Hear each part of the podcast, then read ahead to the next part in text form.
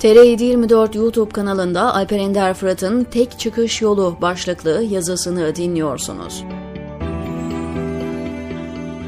Adalet Bakanlığı'na Abdülhamit Gül'ün yerine Bekir Bozdağ'ın getirilmesi muhalefeti bir hayli tedirgin etti.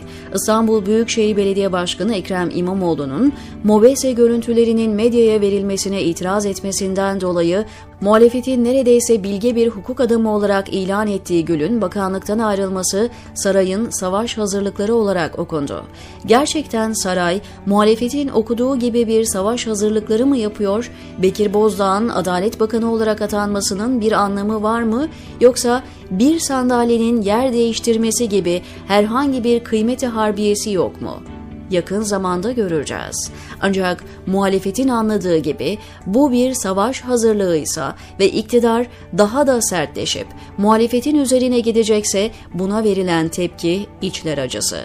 Öyle anlaşılıyor ki Kemal Kılıçdaroğlu ve CHP yönetimi yıllardır Türkiye'de yaşanan şeylerden hiçbir şey anlamamış. Savaş hazırlıklarını fark eden CHP lideri saray ve avanesini üstü kapalı olarak görevdeki bürokratlardan yağan yolsuzluk belgelerini açıklamakla tehdit ediyor.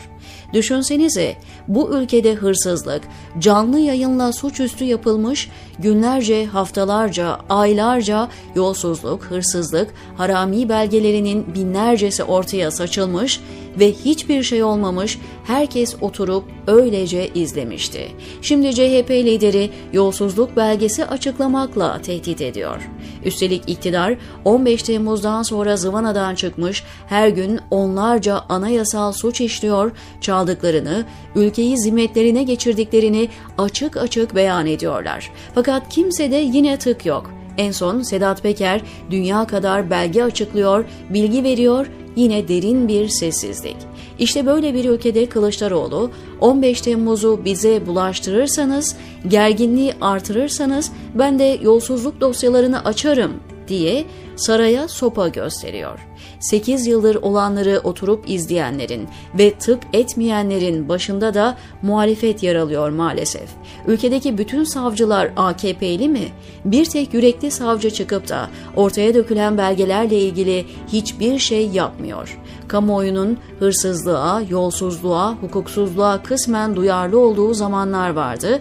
Ancak muhalefet nasılsa bize dokunmuyorlar, falanlarla filanlarla kavga ediyorlar deyip izlemekle yetindi.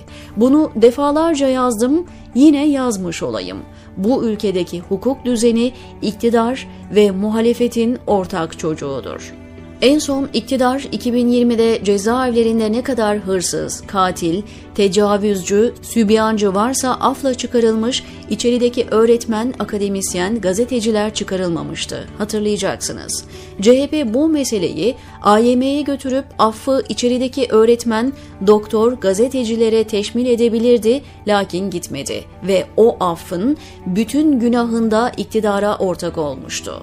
Yıllardır ülkedeki her türlü hukuksuzluğu legalleştiren, mış gibi yapıp muhalefet etmeyen CHP bu sefer kendi kapılarını çalacaklar diye korku içinde. O telaşla belgeler geliyor, yolsuzlukları açıklayacağım vesaire gibi suya tirit cümleler ediyor.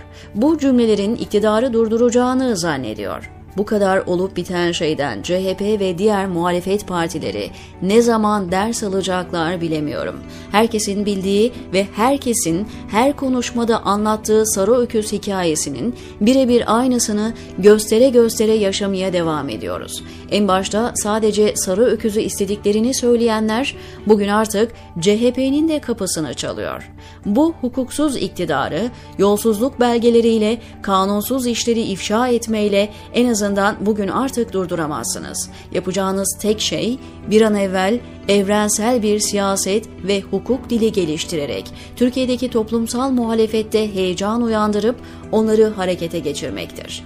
Ülkedeki bütün ötekilerin, canı yanmışların, hukuksuzluğa maruz kalmışların sesi olmak ve bireysel özgürlüklerin önünü sonuna kadar açacağınıza her kesimi inandırmaktır. Bu iktidarı gerçekten göndermek istiyorsanız bundan başka bir çıkış yolunuz yoktur bilesiniz, diyor Alper Ender Fırat TR724'teki köşesinde.